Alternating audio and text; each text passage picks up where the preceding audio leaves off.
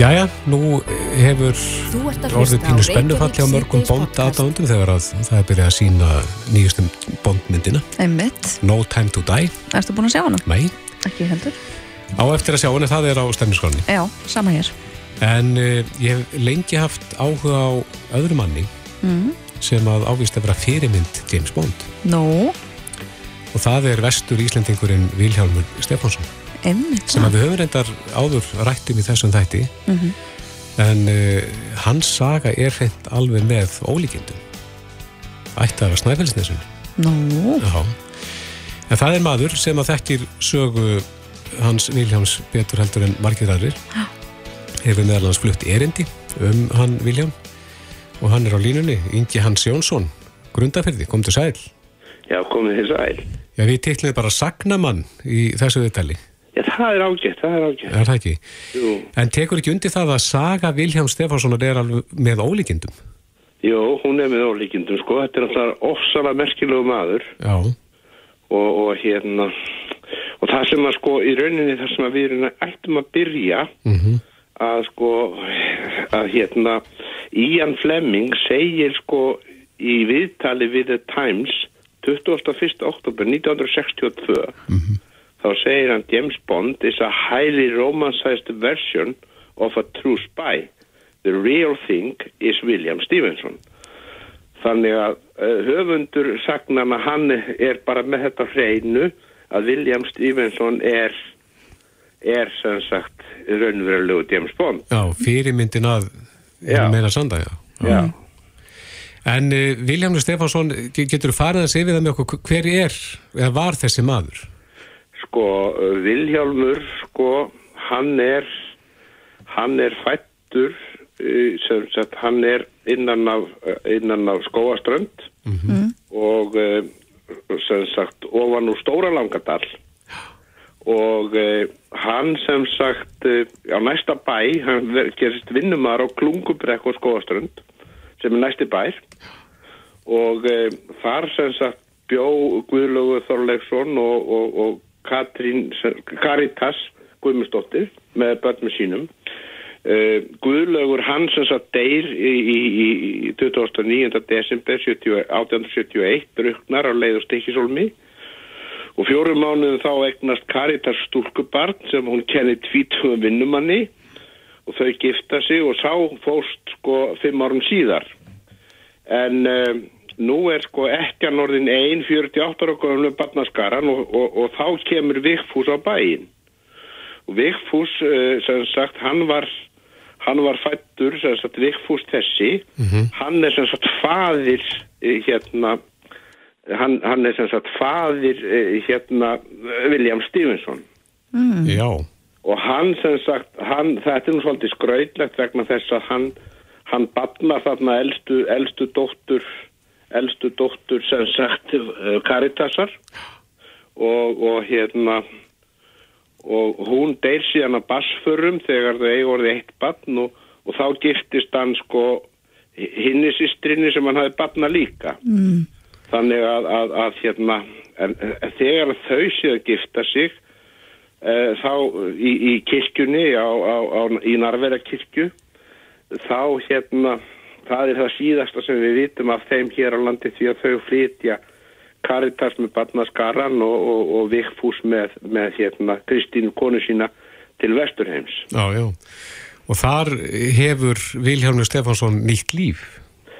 Já, þar verður sko Viljám Stefánsson til og það er svolítið, svona, svolítið einkennilegt í þessu að, eh, að sko Vigfús hann er sem sagt Viljám Stevensson hann er uppfæðlega kallaður Viljám Samuel Stanger.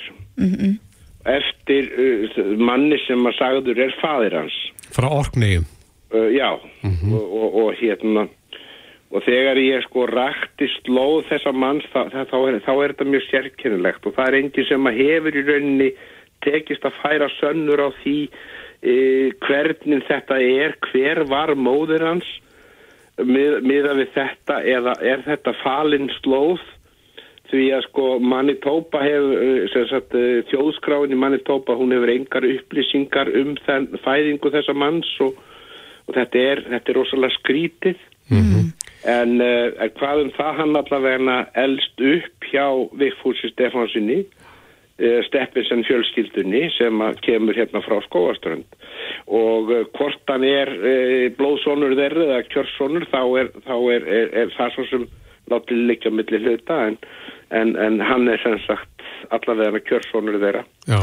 Og hvað gerir, hvað, hvað gerir hann svo þegar að- hann Vilhjálmur, þegar að hann flytur uh, til Kanada eða, eða hvað?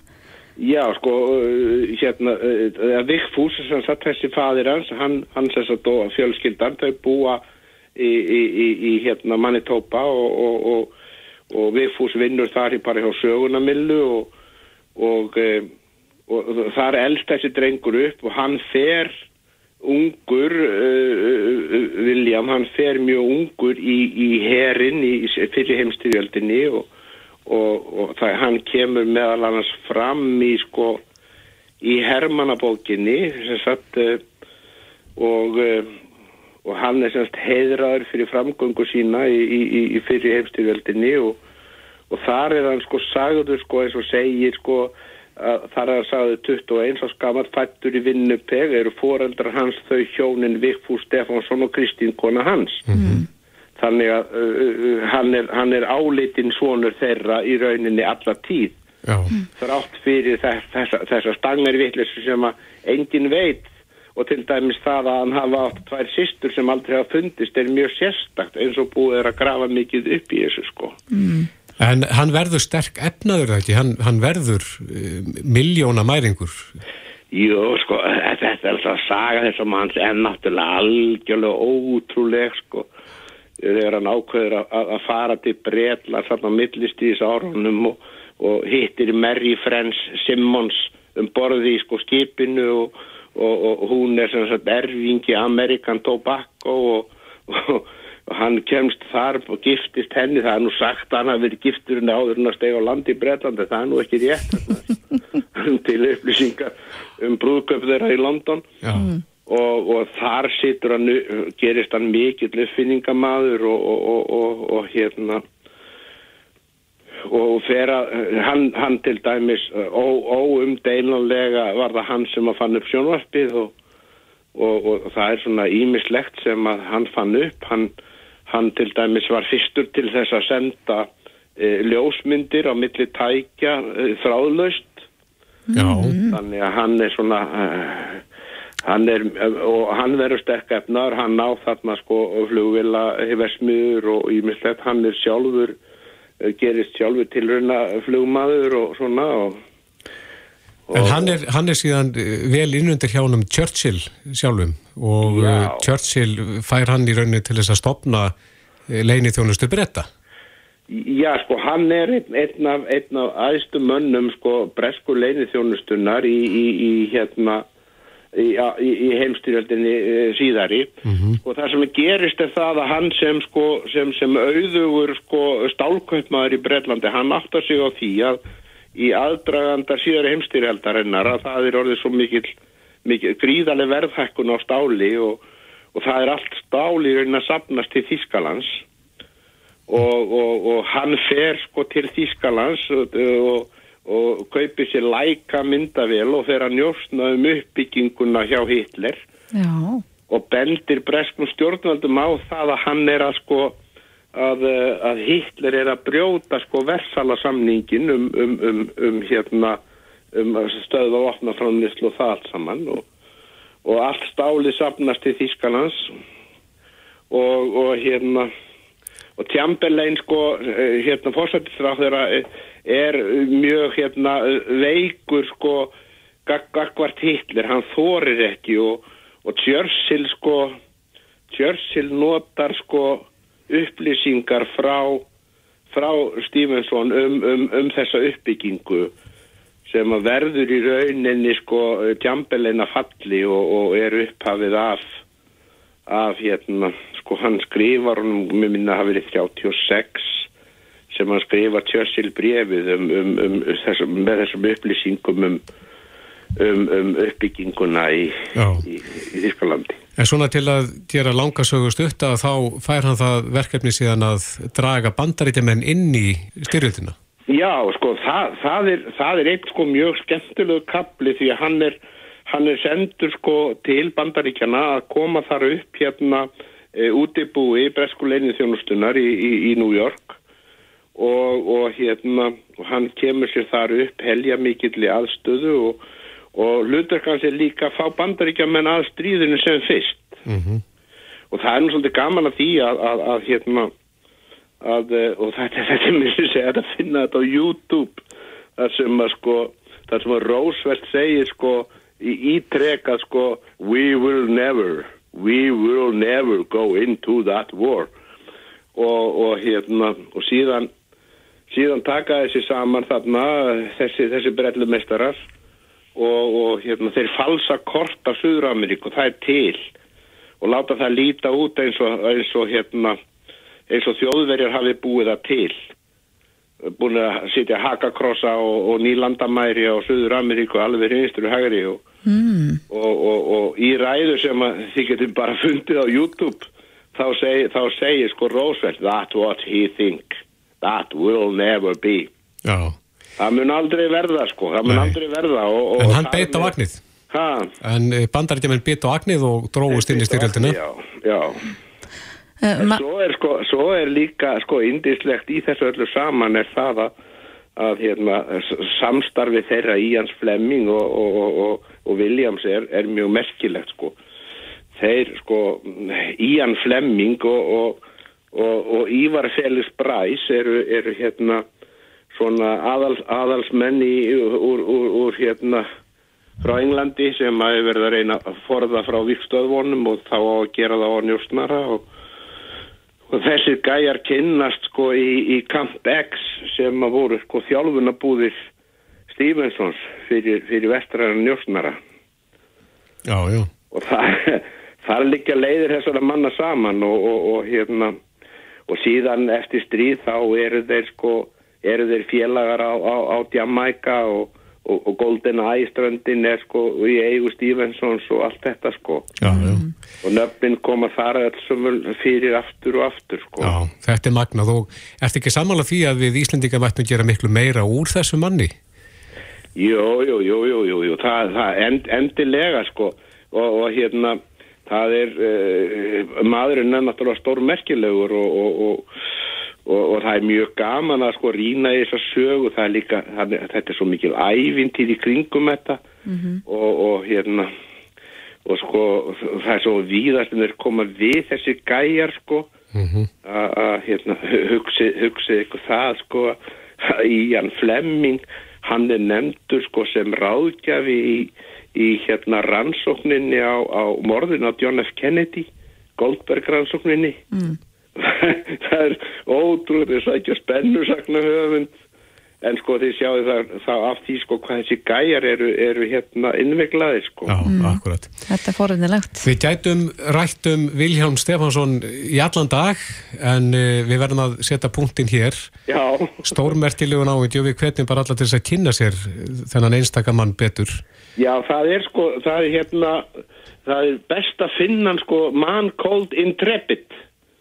Man, a man called intrepid, það er æfisaga hans Mm og, og, og hérna, það er gríðalega miklar upplýsingar hægt að finna á netinu und, und, undir þessum link sko. Akkurat. Ingi Hans Jónsson, sagnaþölur á grundaferði. Kæra þakki fyrir spjallið. Þeir njótið, ég hafi gaman.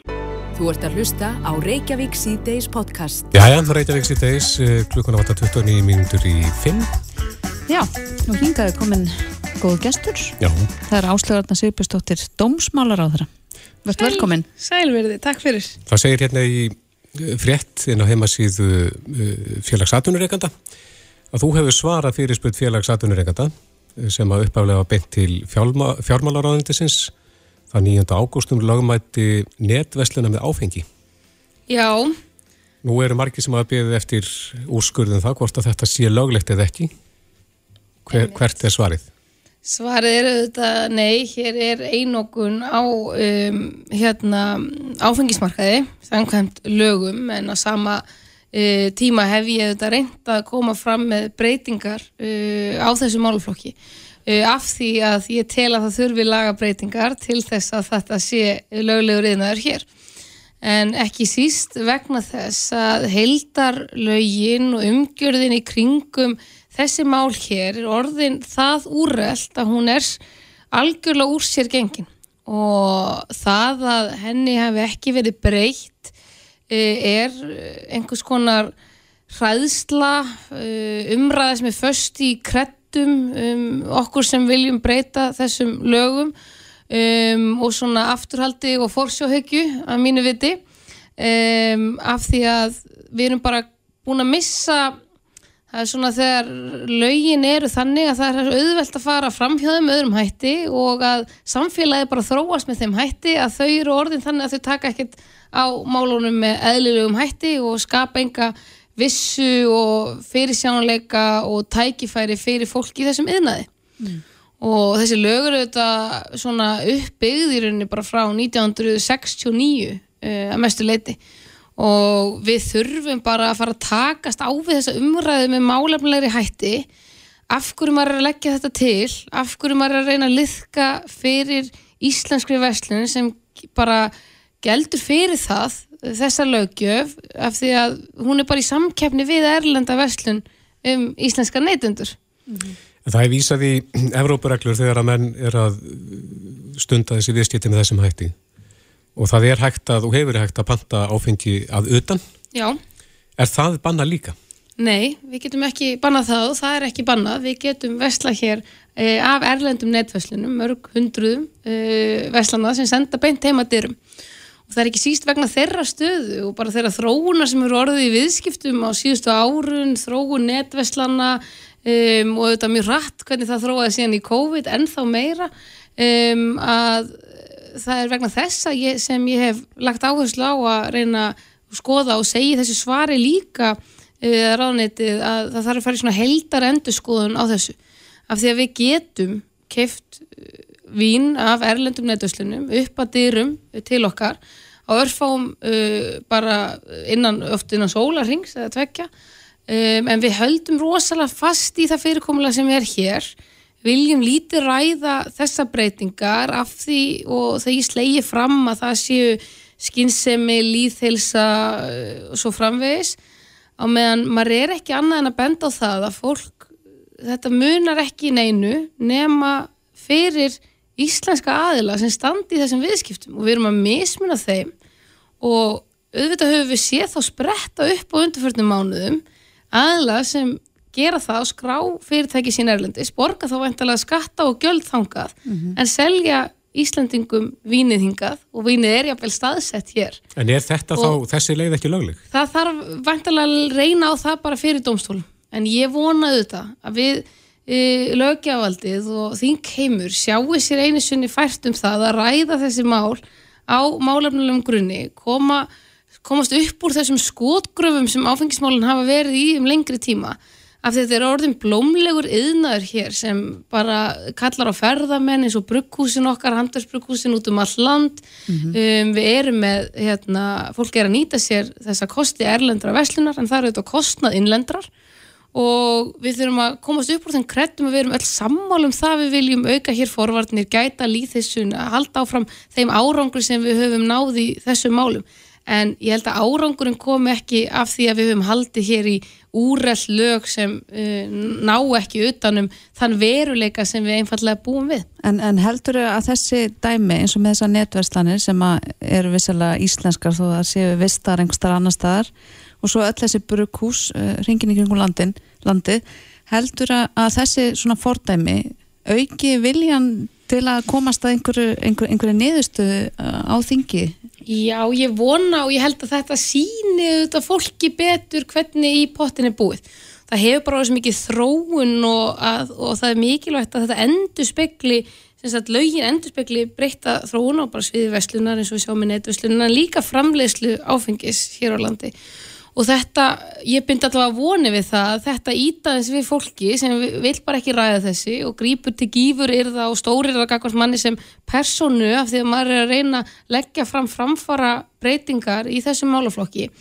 Og hérna og ég held að það sé bara rosalega mikilvægt eins og Ólafur Steffensen hérna, formaður félagsatvinnreikanda sem um þetta er að skrifa grein á vísi um þetta svar í dag að við ræðum áfengismálin uh, í heild, sjáum bara hvernig getum við lift upp innlendri framleyslu. Þetta er ekkit hérna, auðvitað hérna, á sett, sett einhvern eðlilegan lagarama þar um af því að þetta ástand sem skapast núna gerir það verkum að fólk sem þóra að taka áhættu með lögin er ekki vissum að það sé að fara eftir þeim gerir það, það stofna fyrirtæki sem eru á erlendri grundu og skattekjurna fara þanga og þetta þetta ítir undir mjög óeðlilega viðskiptahætti og kannski svona að einhverju sé að taka áhættu sem þeir viti ekki hvort sé löguleg sem ekkit allir eru til í. Og þá setja þetta ekki allir heldur við sama borð. Og það hlýtur bara að vera verkefni lögjafavaldsins að skoða það hvernig getur við leift fólki að sitja við sama borð, skapa um þetta eðlilegan lagarama og ekki síst þá gert ríkar kröfur um það að það sé hérna, þetta sé ekki afhengt yngra fólki en má taka við því að það séu hérna ákveðin skilirði fyrir þetta og þurfum svo auðvitað líka að fara að ræða áfengisauglýsingarna sem allir sá á samfélagsmiðlum og sjá að hvernig Íslendingar standa þar. Þannig að þetta er orðið svona, ég, vona að lögjafar, hérna, lögjavaldinu og þinginu bara takist það að reyna að ræða þetta með málumleira hætti núna en, en áður. Við getum ekki sleftir áslög öðru við sem að spyrja þess út í viðræðnar milli stjórnarflokkana. Hvernig gengur? Þetta er bara mjagast áfram, þau sitja þrjú á löngum og ströngum fundum og að reyna að finna fleti fyrir nýtt stjórnarsamstarf. Ert þú uh, bjart sín á að það nái saman? Eh, Ég er almennt bjart sín manneskja og, og þetta samstarf hefur gengið vel, þetta eru auðvitað ólíki flokkar þannig að það þarf auðvitað að ræða sér niður í ýmsum málaflokkum áður en við getum hafið samstarf svo að því sé svona lokið og við göngum samhend inn í, inn í þingið og til næstu fjögra ára. Þannig að ég ætla að lega mig bara að vera á, hóflega bjart sín, þetta auðvitað tekið svolítinn tíma þannig að það kemur vantarlega í ljós á. Hver eru stóru máli núna sem að standa út af? Ég held að stórum málinu þetta sem við höfum lagt áherslu á það eru heilbríðismálin, orku og loftlagsmálin og skattamálin þar sem okkur hefur greint á en eru voru áherslumál sjálfstæðarflokksins eh, í þessum kostningum og eru það áfram við myndun ríkistjónar. Ertu, fylgjast ekki grann með, ertu ekki að njósna þins? Bein Ma maður maður fylgist grannt með á sjálfsögðu og hérna en þessar kostningar auðvitað skila ríkistjórninni eh, góðum stuðningi og það er auðvitað eðlilegt að á þetta sé reynd og, og það sé reynd á þetta, þetta samtal. Mm. Er skrítið að vera núna í, í vinnunni en uh, vera að býða eftir niðurstöðum Næsta verkefni. Já, E, já, auðvitað er það svolítið sérkennlegt, þetta er ekki, þú ert ekki á, á sama svona öðru hundraðinu eins og, eins og venjulega og það er aðeins verið að býða eftir því hvaða línu, lína verður tekin og hvort að við bara yfir höfuð komumst í, í ríkistjón og en það verður bara spennandi en við erum auðvitað ennþá að hittast og ræða meðal annars COVID-málin og, og fleira sem þarf að, þarf að fara yfir þó að sé ekki komið ný ríkistjón. Hvað finnst þér rétt áður við hættum? Eh, Það er haft eftir Þórólfi Guðnarsinni að eh, hann vill ekki losa tökinn á sóttvöldnum vegna RS-vírusins og influensu. Já, ég held að við séum komin á hættulega braut með slíkum raukstunningi um, og ég held að uh, það sé aldrei réttlætanlegt að grípa til svona íþingjandi takmarkana þó okkur finnist það ekki íþingjandi með hvað við höfum upplifað þá er það samt þannig að það heftir atvinnufrelsi fólks og, og, hérna, og skólagöngu og, og hefur ímis áhrif inn í, inn í samfélagið að það sé ekki að raukstiða slíka takmarkanir með hefðbundni flensu og áhrifum hennar því að við höfum alltaf upplifað það á hverju einasta ári og við getum ekki gripið til þannig uh, hérna, raka til þess að styðja íþingjandi takmarkanir og ég held bara í dag eru þetta 13. oktober, dagurinn sem Kári saði nú í viðtali fyrir mörgum mánuðum síðan er þetta dagurinn sem allt væri orðið eðlulegt einmitt. og ég vona svo sannarlega að það gerist rætt og stið það að við förum að aflita hér öllum takmörkunum og lifa eðlulegu lífi með verunni. Einmitt það, láta þetta vera að loka orðin Áslögu Arna Sýrbjörnsdóttir, Dómsmálar ráðara Takk hjá fyrir komuna Takk fyrir. Þetta er Reykjavík C-Days podcast. Jú, við höldum áfram hér Reykjavík síðdeis og við rákumst á áhugaverða grein inn á vísi.is um að nú sé ólulegt að fjarlæga smokk án samþykis samkvæmt ný, nýjum lögum sem ríkistjóri Kaliforni bandaríkjónu staðfest í síðustu viku. Kalifornia var þá fyrsta ríki bandaríkjana til að banna slíkt hátterni. En þetta, sem sagt að taka verju af í miðjum klíðum, hefur verið nefnt laumupukur eða á ennsku stealthing. Það er nefnilega það. Og hinga til að ræða þessi mál við okkur er komin Sigga Dögg, kynfræðingur, verður velkomin. Takk fyrir. Ég, ég verða veikin, ég hef aldrei heyrt þetta orðstelting fyrir ég, eh, eða laumupukur, fyrir ég las þessa grein. Er þetta eitthvað sem er mjög algengt að, að það sé verið að stunda þetta? Ég veit ekki hvað sem að vilja sér það er laumupukur. Mér finnst það ekki, nó, gott orð ef ég alveg er hinskilin. Mér finnst það, hérna, já, mér finnst það ekki, ekki alveg svona ná utanum hvað þetta er. Af því að það sem við erum að tala um náttúrulega er það búið að samþykja notkunnsmokksins og svo er fólk farið að stað og kynum okkur á hafinn og smokkurinn er fjarlægður án vitundar hins bólfélagans mm. þannig að það, það laumupukur þykir mér bara ekkert nógu stert orð mm. ef ég var reynskilin Er þetta, er þetta ofbeldi? Sko þetta er skilgreynd sem ofbeldi að því um leið og eitthvað er gert án samþykkis það er bara skilgreyndingin okkar á ofbeldi veist, það er bara þannig. Og þetta er mjög, mjög svartkvít hvað það var þar en lagalega séð þá ég allavega, og nú er ég ekki ekki löglærð, þannig að ég er ekki klárust í heima að lesa í gegnum hegningalögin en það sem ég, best sem ég gætt séð, þá er þetta ekkit skilgreynd sérstaklega og það er þetta nýja það sem lögin núna er að gera, er að þau eru að skilgreyna þetta sérstaklega, þú veist, þannig að þetta er tekið sem skýrt dæmi. Mm -hmm.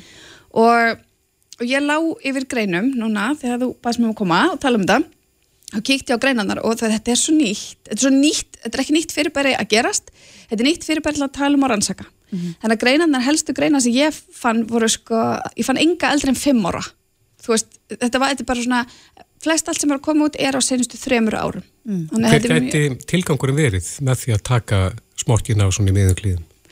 Um, sko, það er svolítið það voru svolítið áhugaverðar reyndar niðurstöðnar Um, og rannsóknu voru mismöndi, það voru misjafnan á hvað, hérna, hvert úrtæki var og svona. Uh, en mjög oft voru þetta háskólanemar eins og oft vil verða í svona úrtöku og það var sko, það voru annars vegar karakterengkenni og eitt sem var þeir sem voru líklegri til að gera þetta og hafðu gert þetta og það oftar en einu sinni uh, voru líklegri til að vera svona agressívari, gagvart konum og um, voru í rauninni, í minni tengslum ef það má orðaða þannig. Þannig að þetta var ekki beint svona við erum að gera saman. Þetta var meira svona ég er að ríða þér. Mm. bara, við, seg, við tölum bara hreint út. Og þess að fyndið að ég er búin að vera með svo mikið á kynfræsli fyrirlesturum í þessari viku og ég greip einn nefnda sem sagði nákvæmlega þetta. Og tók, tók svona hlóða þegar ég, segjum að ég ríði stelpu. Og ég sagði, það, ég ætla bara að fá bakka hér. Veitu, af hverju ert þú, veistu, af hverju ert þú hérna aðgerraðli er þetta ekki samvinna eða? Mm. og þá kom svona, já, já þú meinar. Þú veist þannig að, þannig að þau bara hugsa um þetta hvernig við tölum, bara að breyta þarna einni lítilli setningu, þá aðeins svona færir það fókusin og þetta finnst mér sína svo vel uh, gallan í þessu. Gallan í þessu heteronormatífa uh, skema sem við höfum um hvað kynlíf gengur út á og hvernig það virkar.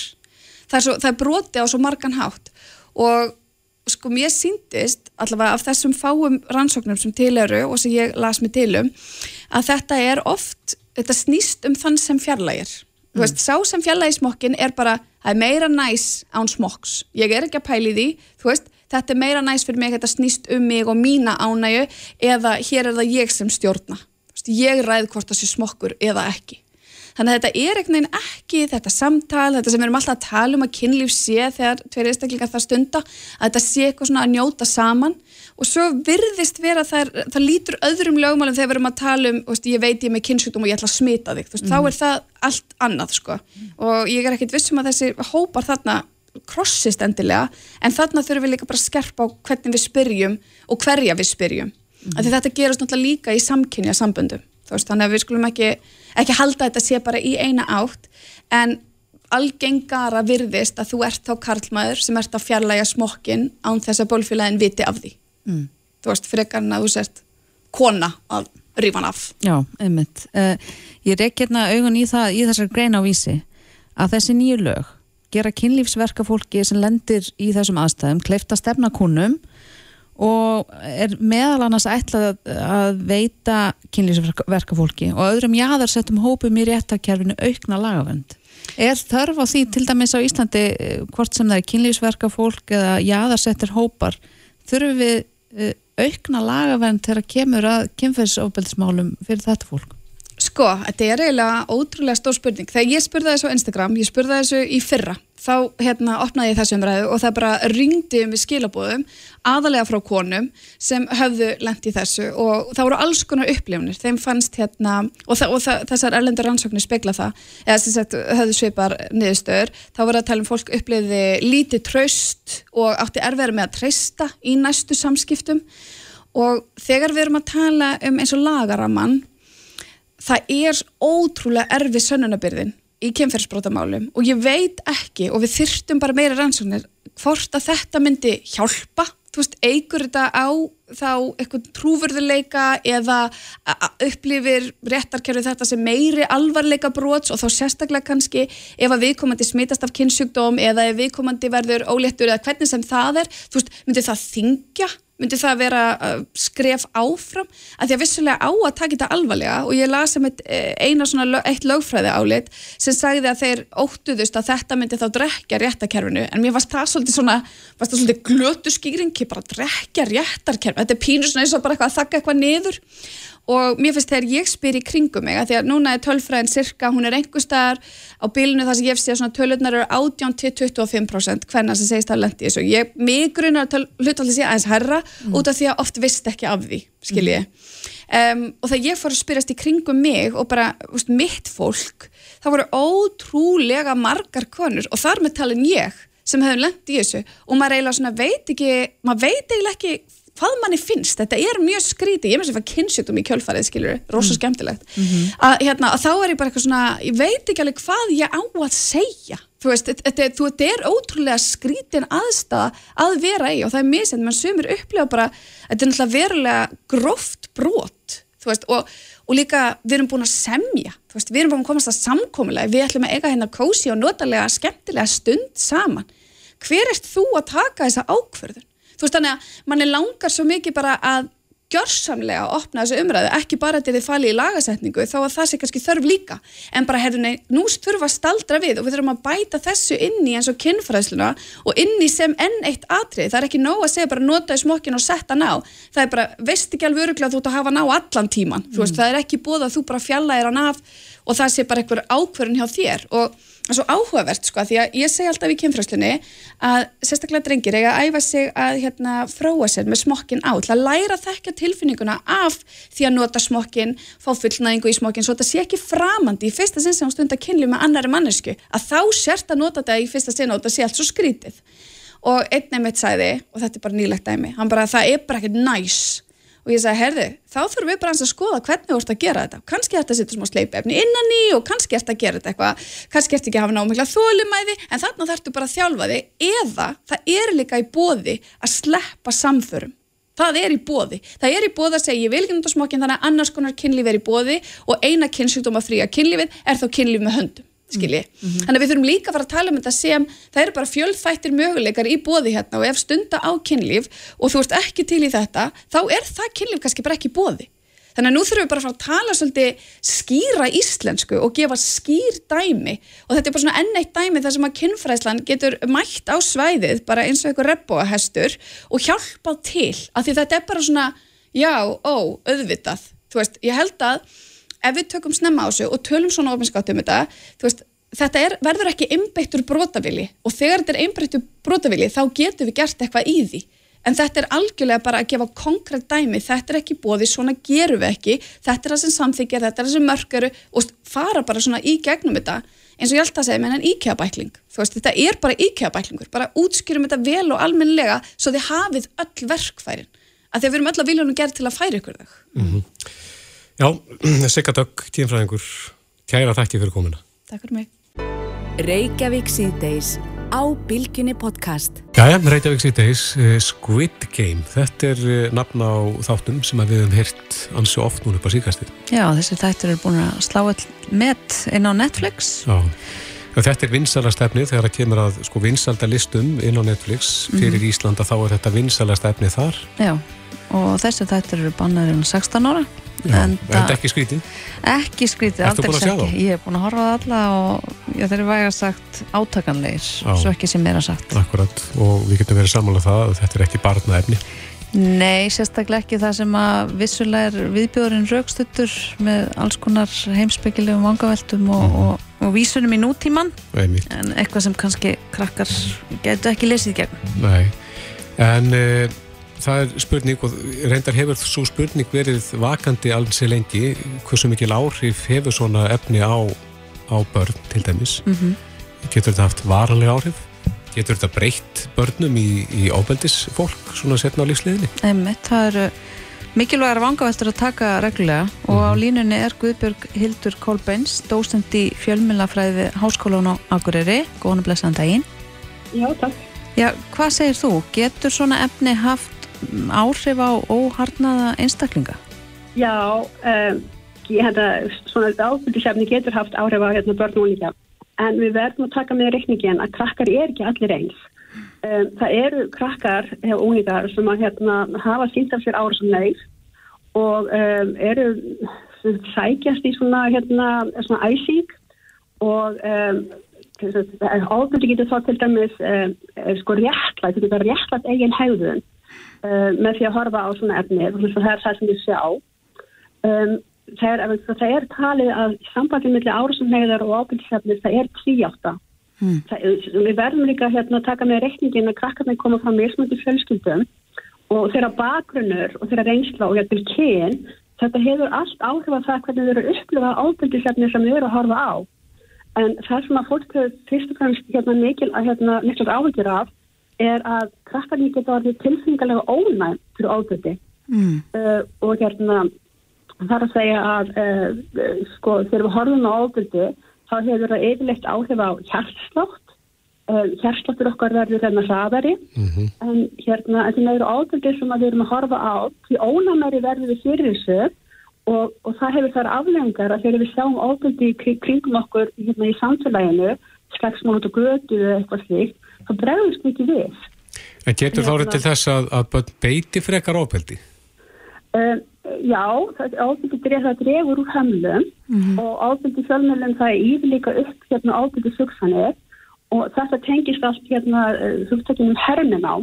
Krakkarnir eru, eru hermin eftir og það fer allt eftir hérna, aldrei hérna krakkana um, hversu mikið skilning við hafa á, því hérna, hvað aflengar ábyrgdi hefur í förmið sér. Mm. Einmitt. Maður veltiði líka fyrir sér núna á þessum tímum þegar ég var að alast upp þá var kannski minna frambóð og, og þá var þetta náttúrulega línlega dagskrá en núna er efni út um allt og kannski erfiðar fyrir foreldra að fylgjast með hvort að börnir eru að horfa efni sem er bannað til dæmis innan 16. Já, það er endar rétt en hins vegar hérna, hafa krakkar haft hérna, aðgang á ábyrgisefni mjög lengi og meðan ekki gleyma því að, hérna, að þau gáttu farið til vídeolegu og náðu einhverja myndir þó að það væri bannaðar og, og, og svo framvegis. Mm Um, eða til dæmis myndir á, af, af einhverjum hérna, rásum og náttúrulega niðurhald af myndum hefur viðgengist mjög lengi. -hmm. Um, en, það, en það er eins og segir að það verður alltaf erður og erður fyrir fórölda að fylgjast með því sem að hérna, krakkarnir eru að horfa á. Og það er eiginlega liggur vandin, þannig að, að fóröldar verða eiginlega samtal hérna, við börnum sín hérna, hvað afleggingar uh, að það sem við sjá til dæmis í kvikmyndum að afleggingar ofbeldisins að þær eru oft ekki sko raunverulegar í samræmi við hérna uh, hvað myndi gera, sem myndi gera þetta sama við hérna mannut og götu. Mhm. uh, það er til dæmis eitt. Þannig hérna, en þetta er þetta er vissulega vandi núna með allar streymisveiturnar og, og, hérna, og krakkarnir að horfa efni símanum að við sem fórættar missum þessa yfirsýn yfir það hvað krakkarnir eru að horfa á Mhm. En er það eitthvað fleira sem byrtist okkur í, í fjölmjölum, í bíómyndum, þáttum, fréttum þess vegna sem getur haft uh, varanlega áhrif á börn, þá sést ekki bara ofbeldi, er eitthvað annað svona sem að getur haft slæma áhrif á... já, það eru reyndar alveg ótrúlistu hlutir vegna þess að, hérna, að um, alls konar sjóasefni getur valdið hræðsluðubröðum hérna hjá börnum, valdið mikil hræðslu og þessi, hér, þessi hræðsla, hún getur verið varanleg og hún getur, hún getur orðið hennilega bara að fóbíu sem að fólk þarf að lifa við, ekki kannski það sem eftir er, en í marga mánuði eða mörg ára eftir. Og um, fóruldrar vannleita oft hérna hvaða áhrif sjónvastefnið getur verið barnefn þess vegna. Um, hvaða hérna, hvað áhrif efnið er að hafa. En það er líka þessi hræðsla sem, hérna, sem hefur afleggingar og það er, það er mjög margi fólk talar ekki alveg um þetta það, fólk sem séð kannski hlutingsmyndir og ekki eins og hlutingsmyndir getur bara verið barnefni eins og hérna uh, bara teiktimynd fyrir eftir jóli eða eitthvað. Sem veldur svona fælslu sem að fólk er að burðast með og sem gerir það verkum að fólk forðast ákveðna aðstæður.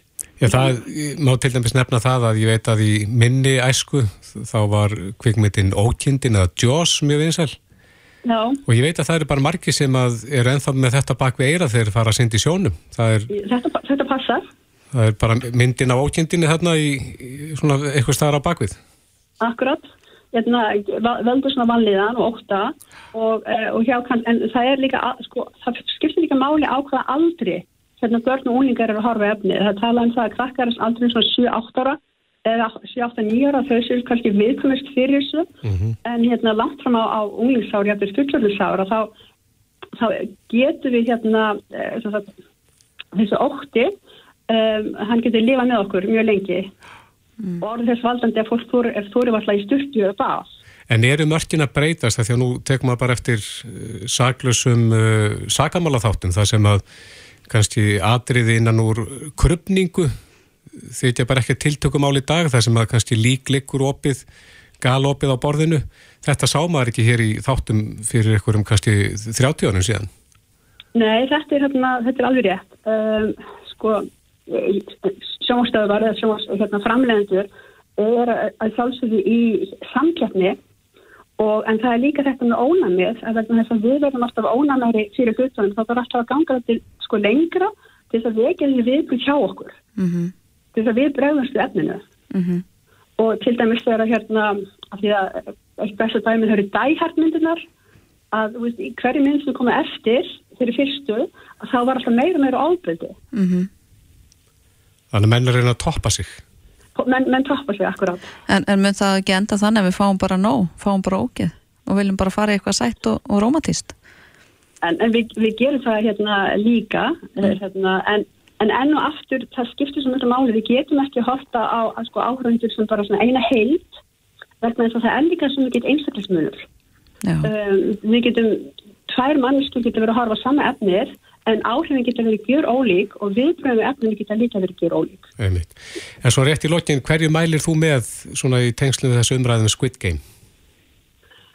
hvað er stórt í spurt.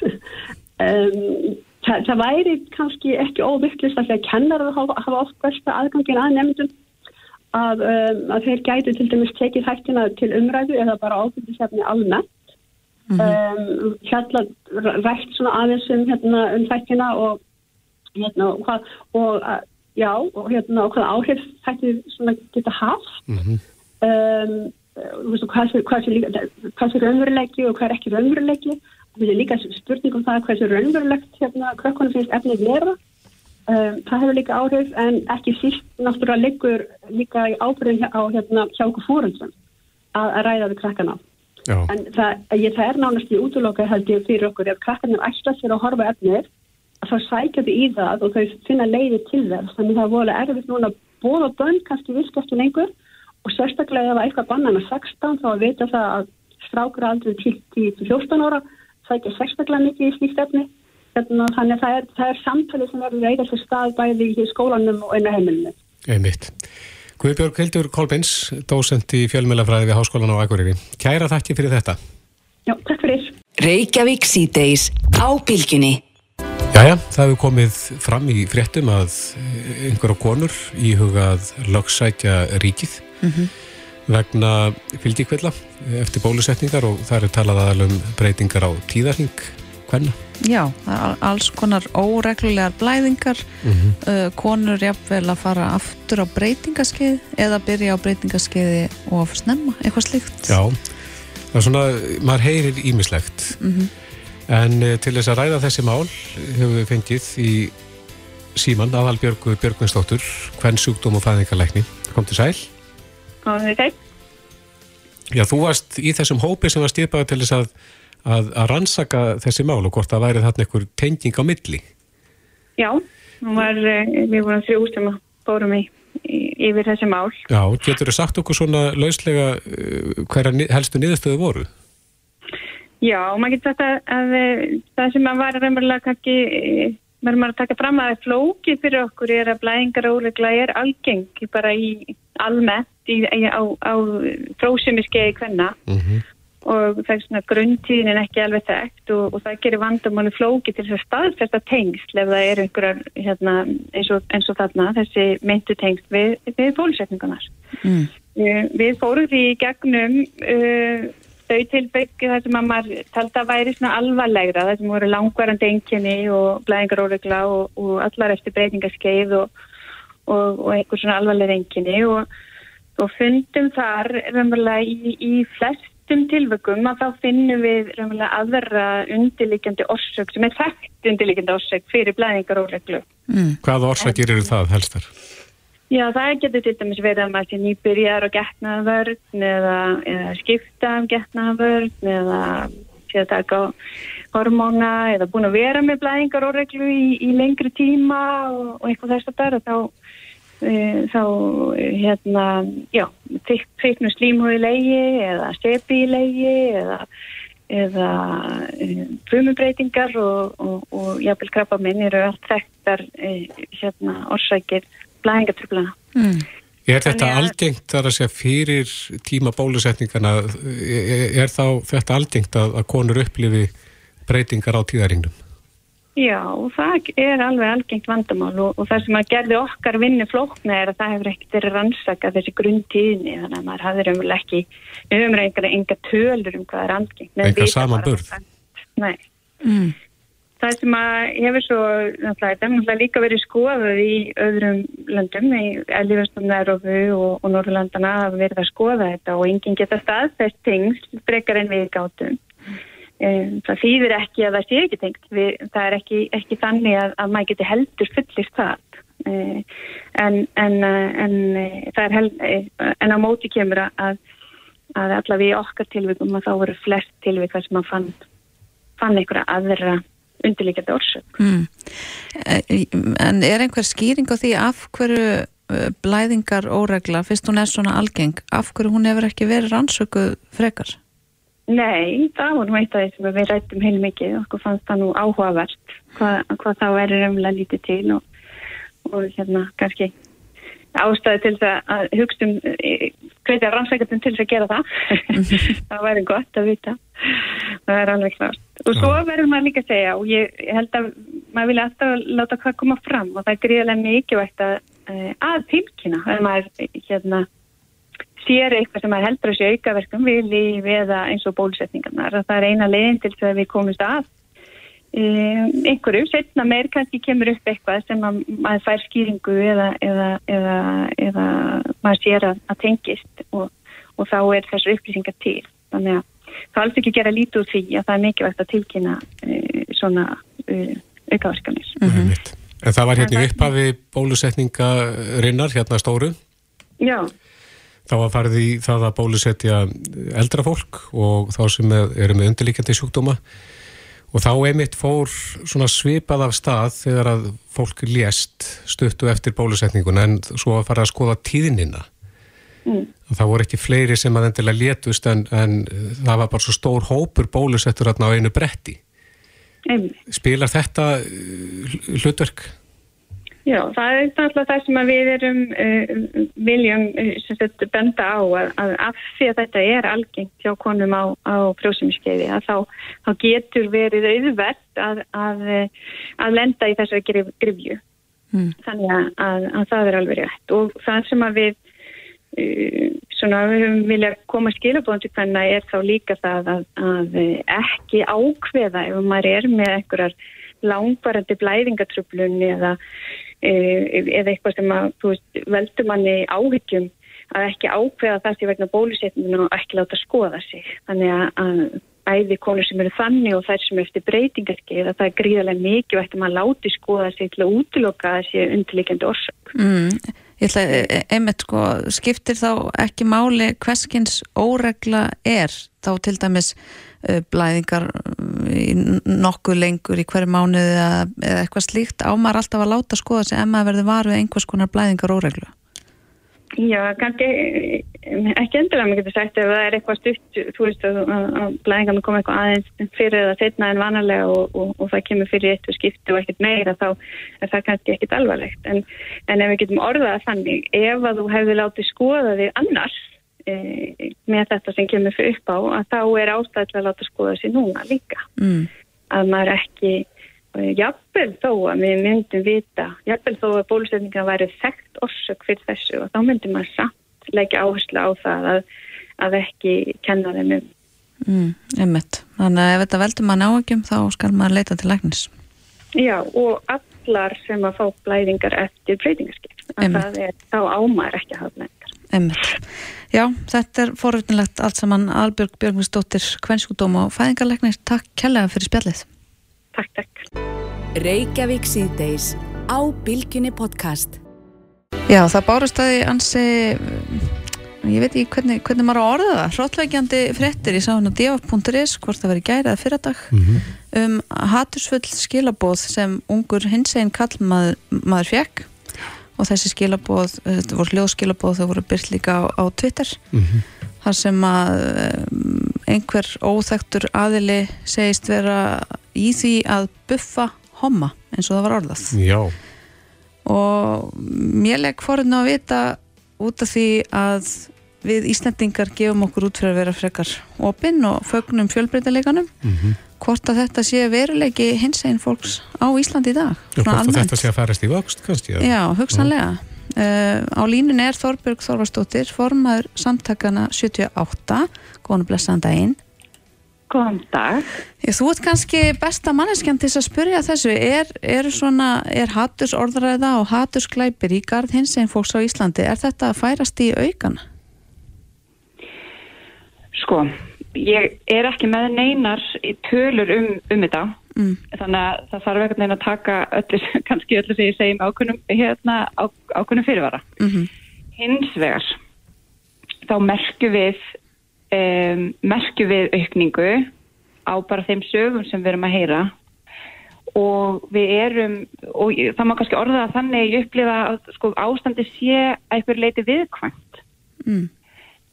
Við erum, almennt þá náttúrulega vantar rannsóknir á hugum hins einn fólks en, en, en við, við erum að heyra sögur af, af einelti á grundvelli hins einleika, af hatustjáningu á gödum úti og af svo einmitt þessum hótunarstýntölum Mhm.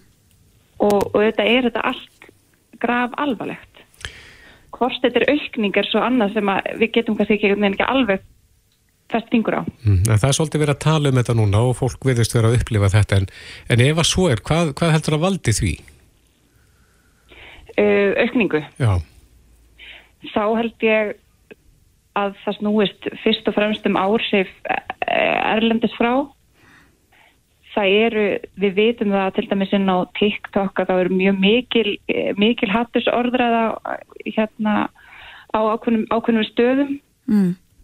Og, og við svona ákveðin myndbönd og, og það er mikil grófleiki í hérna í kommentum Mhm. og, og þetta er já, þetta er víða á internetinu og, og það hafa aukist bæði til dæmis í bandaríkjunum að Breitlandi hafa hatursglæpir gagvart til dæmis transfólki og, og svo líka öðru hins einn fólki aukist á undanförnum árum þannig að það er kannski ekkert skrítið að, að eitthvað, eitthvað svona undiralda nái hingað nei. Getur verið að COVID spilið þarna inni? Nú hefur til dæmis gleðigangan ekki farið fram í tvö skipti og, og þar að leiðandi hefur kannski sínileiki hins einn fólks minkað aðeins? Já, það er, það er frábær punktur vegna þess að sínileiki skiptir svo rosalega miklu máli Mm. og jú, ég menna við getum alveg ímyndað, okkur það að, að það, það hafi spilað inn í Mm. og, gerir það að verkum að, að fólk er og kannski þá sérstaklega ungt fólk er einhvern veginn aftengdara um, því að, að, hins veginn fólk er, er vennilegt fólk eins og allir sko. Já, þú veist, það er, það er erfiðar að, að hata eitthvað til að horfa framann í hann. Mm. En ég velti fyrir mér uh, refsiramanum þegar kemur að hatursorðræðu og hatursglæpum. Er, hann, er hægt að refsa fyrir þetta á Íslandi? Já, það er, sko, fyrir haturs orðræðu, þá er, það er hluti af almennum hegningalögum. Mm -hmm. Eh, hins vegar þá er engin sérstök vend gagvart haturs glæpum. Það er ekki, kemur ekki til refsitingingar eins og í fleiri löndum, eh, í mörgum löndum. Eh, ef, að, ef að glæpur er framinn vegna haturs á, á einhverjum tilteknum minnlutahópi til dæmis. Mm -hmm. Þannig þá er, bara, þá er bara refsað fyrir ofbeldisglæp. Þyrfti þyrt einhvern veginn að bæta úr því? Já, að mínu viti já. Og hérna við, við viljum auðvitað fá uh, bara öflug og góða hattursklapalögju sem sendir mjög skýr skilabóð en á sama tíma þá viljum við sjá stjórnvöld taka uh, bara mjög skýra afstöðu og hérna og setja á bara svona almenna stefnu, við viljum sjá almenna stefnu til þess að koma í veg fyrir hattursklæpi Mm. og, og það hefur, ekki, hefur við ekki séð Hver- Hvernig gæti svo stefna verið? það geti verið bara eh, einhvers konar landsátaks ég fyrir mér Mm. e, fræðslu á hérna bara allstaðar og það er ekki, það er ekki fræðsla sem á einskorast til dæmis bara við skólana heldur það er ekki síst eldra fólk sem þarf á hann að halda myndi halda Mhm. uh, og hérna til dæmis bara um það hvaða áhrif það hefur þegar maður lætur eitthvað út úr sér á internetinu vegna þess að máli líka með hatturskleipi er það að þeir hafa svo viðtæk áhrif á stóran hóp fólks þannig að þegar það ráðist á eitthvað fyrir það að vera hommi eða vera trans uh, að þá, þá, er, þá er svo miklu miklu fleiri heldur en bara þessi eini þólandi sem, að- sem að verða fyrir uh, hérna, einhvers konar miska eða þú veist, þetta eh, hérna, getur haft mjög mikil áhrif á fólk. Mm en, en þú talar um það að þið, þið merkið eh, aukningu í, í grunnskólum. Það er að segja hins einn börn og ungmenni verði fyrir aðkasti, einrildi og slíku. Er þetta ekki ákveðið bakslag í réttindabaratu hins einn fólks? Jú, ég fer kannski varlega að segja að við merkjum aukningu. Við, hérna, við heyrum af sögum við eigum til tölur frá 2017 þar sem að, að það komu að það voru hérna, stór hluti hins einn krakka sem að upplýði sér óörygg í skólanum en það eru fjara ára gamla tölur og segja alltaf ekki neitt um, um stöðuna eins og hún er núna. Mm en, en við erum að heyra við erum að heyra ljótarsögur af einhaldi um, en hérna en bakslag, ég menna jú, það er það virðist vera einhvers konar bakslag í gangi. Mhm. uh, fólk er að leifa, segja, leifa sér að segja uh, mjög ljóta hluti til dæmis á internetinu og ég gerir þá ráð fyrir að þessi orðraði eigi sér stað líka inn á heimilum Mhm. og, hérna, og ég hvet fólk bara til þess að gæta orða sinna vegna þess að, að það eru það er alvöru fólk sem verður fyrir áhrifum af því hvernig maður talar. Þannig að við þurfum samstilt átak til þess að snúa þessari þróun við. Já, við þurfum bara að byrja virðingu fyrir hvort öðru og, og einmitt, standa saman gegn svona, svona vittlissu. Já, Þorbjörg Þorvaldsdóttir, formaður samtakana 78. Kæra þakki fyrir spjallið. Takk fyrir sem þess. Þetta er Reykjavík C-Days podcast. Jæja, Reykjavík síðdeis, þjóðin hefur fylst spennt með uh, bataferli Guðmundar Felix Gretarssonar Heldur betur. uh, sem að uh, er fann að titla sig handhafa í, í dag Mm og uh, hann er á línunni, kom til sæl Guðmundur Felix. Já, komið sæl. Já, við lesum um góðan árangur í, í meðlunum þar sem að þú ert alltaf að fá meiri og meiri styrk er það ekki og tilfinningu í, í hendurna nýju. Jú, jú, þetta bara gengið alveg ótrúlega vel. Þetta er, þetta er náttúrulega hægur, hægt ferli en, en enga síður mikið hraðara heldur við byggust við. Mhm. Þannig að- að ég er mjög ánægð með hvernig þetta gengur en þá og ég sé hann pínu ótrúlega móður að langar að geta gert meira en, en, en ég ætti ekki að vera að gera næri það sem ég er að gera samt. Nei, svona mikill vill meira. Já, Mm. En hvað segir læknarnir? Eru þeir ekki forviða yfir þessu? Jó, þeir eru alveg ótrúlega ánægð með þetta. Þetta er, þú veist, þetta er náttúrulega, þegar við leggjum upp í þessa aðgerð þá var verið að tala um að við, það væri árangur sem við getum sætt okkur við ef við getum byggt olbúa. Já, já. Og ég menni, ég er komin svo langt fram fyrir það núna að, að við sáum vídeo og ég farin að geta hreift e, fingurna pínulítið. Mm og það er náttúrulega, það er vöðvar í framhandlegnu sem er að toga í, í, í þessa fingur. En ég með tilfinningu ég finn, finn kulda í öllum handlegnum og alveg nýr í lóa hægra megin og, og, og meiri hlutunum á handlegnum vinstra megin þannig að- þú veist og þetta er bara einhvern veginn, virðist vera bara í hverri viku þá sjáum við eitthvað mun sko. Já.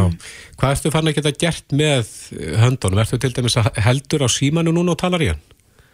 Nei, það er, þetta er, það er ekki nóg sterkar, uh, þú veist, ég, hérna, ég mun, ég, þessi putta sem ég begi þeir, þetta er engin styrkur þannig lagað, sko, en, Nei.